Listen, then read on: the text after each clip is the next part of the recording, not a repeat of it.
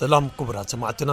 ካልኣይ ዙርያ ምድባዊ ግጥማት ዋንጫ ዓለም ደቂ ኣንስትዮ 223 ክልቲኤን ብሓባር ነቲ ውራይ ዘእንግድኦ ዘለዋ ሃገራት ስዕረት ኣጋጢምወን ናይ ምሕላፍ ዕድለን ጠልጠል ብምባል ይቕጽል ኣሎ። ሰሉስ ትጽቢት ዘይተገብረለን ፊሊፒንስ ንኒው ዚላንድ ሓደ ብ ባዶ ስዒረነን ንእሽቶ ጩራ ምሕላፍ ናብ ዝቕጽል ዙርያ ከፊተን ኣለዋ። እንተኾነ ግን ምስኣን ኣብ ምድብ A ዝርከባ ስዊዘርላንድን ኖርወይን ማዕረ ብዘይ ሽቶ ምፍልላየን ንኹለን ናይ ምሕላፍ ዕድል ፈጢሩለን ሳልሳይ ዙርያ ግጥማት ወሰንቲ ክኾኑ ገይረንኦም ኣለዋ። ካብ መድብ ሲ ስፐይንን ጃፓንን ንዛምብያን ኮስታሪካን ብገፊሕ ስዒረን ሳልሳይ ዙርያ መድብ ግጥማት ከየድልየን ናብ ዝቕጽል ዙር ዝሓለፋ ቀዳሞት ሃገራት ኮይነን ኣለዋ ኣብ መድብ ዲ ዝርከባ ዩናይትድ ስቴትስ ምስ ኔዘርላንድስ ሓደ ብሓደ ማዕረ ድሕሪ ምፍልላየን ክልትኤን ካብ ክልተ ግጥማት ኣርባዕተ ነጥቢ ኣዋህሊለን ይርከባ ኣብቲ ምድብ ምስኣን ዘለዋ ፖርቱጋል ንቪየትናም ክልተ ባዶ ስዒረን ሰለስተ ነጥቢ ብምውህላለን ኣንጻር usa ናይ ሞትን ሕየትን ግጥም ሳልሳይ ዙርያ ይጽበየን ኣሎ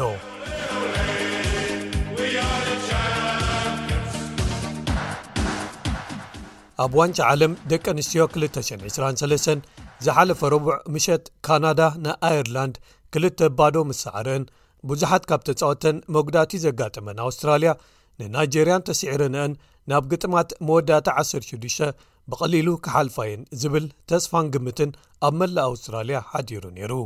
በዚ ምኽንያት እዩ ኸኣ ኣውስትራልያውያን ንግጥም ሃገሮም ኣንጻር ናይጀርያ ብሃንቀውታ ዝተጸበይዎ እንተኾነ ግን ሓለቓ ጋንታተን ማቲልዳስ ተባሂለን ዝጽውዓ ኣውስትራልያውያን ዝኾነት ሳምከር ዝሓለፈ ሰሙን ድሮ ግጥም ሃገራ ኣንጻር ኣይርላንድ ኣብ ልምምድ ተጐዲኣ ብውሕዱ ንኽልተ ግጥማት ከም ዘይትስለፍ ምስ ዘገልጸ ስምባደ ፈጢሩ እዩ። ኣሰልጣኒ ማቲልዳስ ቶኒ ጉስታፍሰን ነቲ ዜና መጕዳእታ ሓብይዎ ተባሂሉ እንተተኸሰሰ እኳ ክሳብ መወዳእታ ሰዓት መጠን እቲ መጕዳእታ ኣይፈለጥናን ነይርና ክብል ምኽንያት ሂቡ። እቲ ዝቐጸለ ሕቶ ሽቶታት ኣውስትራልያ ደኣ መን እዩ ከመዝግበን ዝብል እዩ ነይሩ። እንተኾነ ግን ድሕሪኡ ብዘይ ቀንዲ ኣጥቃዒተን ዝተጻወታ ኣውስትራልያ ንኣየርላንድ ብጸቢብ ሓደ ባዶ ስዒረን ነቲ ምድብ ክመርሕዎ ጀሚረን ኣብቲ ግጥም ብዙሕ ዓብላሊ ብቕዓት እንተዘየርኣያ እኳ ሓዳስ ሓለቓ ጋንታ ስቴፍ ከይትሊ ብዘመዝገበታ ብፍጹም ቅላዕ መቕጻዕቲ ዝተረኽበት ሽቶ ኣብቲ ካናዳ ናይጀርያን ኣየርላንድን ዝሓዘ ምድቢ ኣብ ዝለዓለ ቦታ ከተቐምጠን ገይራ ነይራ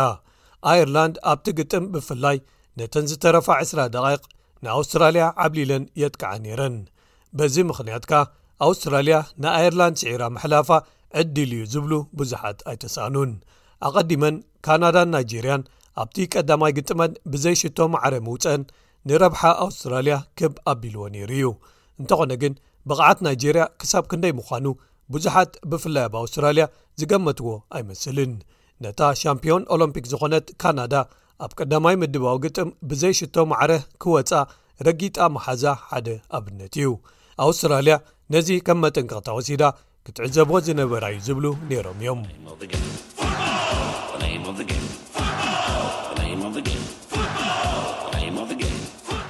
ሓሙስ ምሸት ብኣቆጻጽራ ኣውስትራልያ ግጥም ናይጀርያን ኣውስትራልያን ኣብ ከተማ ብሪዝበን ምስ ተጀመረ ኣውስትራልያ ብመንገዲ ኤሚሊ ቫን ኤግመንድ ኣቢለን መሪሕነት ሒዘን እንተነበራ እኳ ናይጀርያ ብኡቸና ካኑ ኦሲናቺ ኦሃለን ኣሲሳት ኦሻላን ኣቢለን ሰለስተ ሽቶታት ኣመዝጊበን ተኻላኻሊት ኣውስትራልያ ኣላና ኬነዲ መፀናንዒት ካለይቲ ሽቶ ኣብ ምውድኡ ትፀወታ ኣመዝጊባ እቲ ግጥም ሰለስተ ብክልተ ተዛዚሙ ናይጀርያ ከኣ ቀዳማይ ትፅቢት ዘይተገብረሉን ዘገርምን ውፅኢት ኣብዚ ዋንጫ ዓለም ደቂ ኣንስትዮ ብምምዝጋብ ንኣፍሪቃ ብምኹራዕ ናብ ዝቕፅል ዙር ናይ ምሕላፍ ዕድለን ኣለምሊመንኦ ይርከባ 11ደ ግዜ ሻምፒዮን ኣፍሪቃ ዝኾና ናይጀርያውያን እምበኣር ምሕላፈን ንኸረጋግፃ ኣብቲ ናይ መወዳእታ ምድባዊ ግጥመን ኣንጻርታ ተገሊፋ ዘላ ኣይርላንድ ብውሕዱ ማዕረ ጥራይ ምውፃእ ከድልየን እዩ ማለት እዩ ማትልዳስ ኣውስትራልያ ግን ምስ ካናዳ መነን ናብ ዝቕጽል ዙር ሓለፈ ናይ ሞትን ሕየትን ግጥም ከካይዳየን ማለት እዩ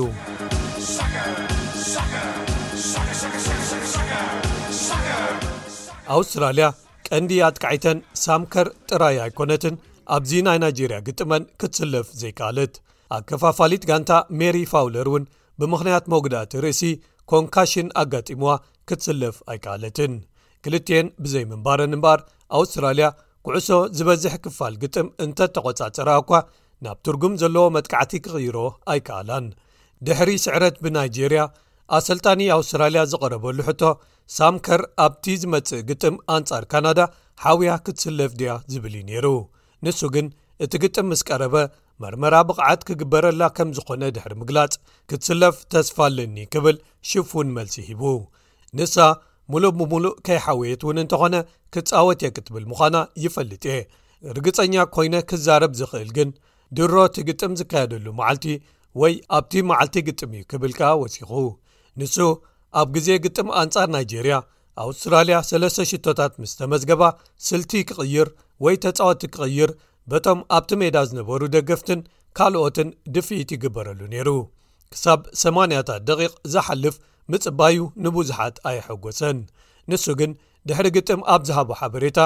እዚ እውን ካብ ተመክሮ ተማሂረ ክእረመሉ ዘለኒ'ዩ ክብል ተኣሚኑ'ሎ። በዚ ፍርቂ መልሲ ኢሎም ዝጸውዕዎ ዘይዓገቡ ጋዜጠኛታት ግን ካልእ ሕቶ'ውን ኣቕርቡሉ።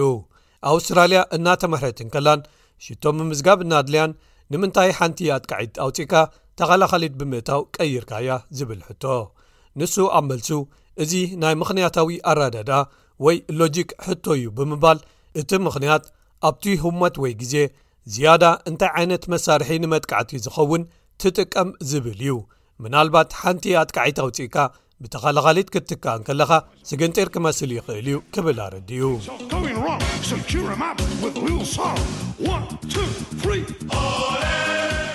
እንተኾነ ግን እቲ ኣሰልጣኒ ኣብ ማሕበራዊ መድረኻት ብዙሕ ነቐፌታታት ቀሪቡሉ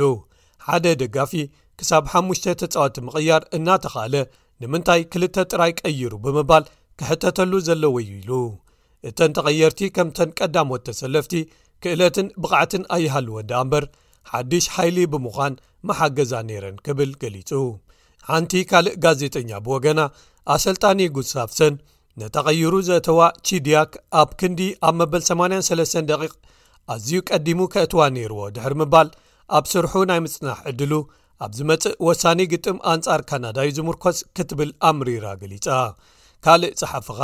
ጉስታቭሰን ምቕያር ተጻወቲ ብግቡእ ክጥቀም ብዘይምኽኣሉ ካብ ምስልጣን ኣውስትራልያ ተኣልዩ ናብ ምስልጣን ፈረንሳ ክኸይድ ኣለዎ ኢሉ።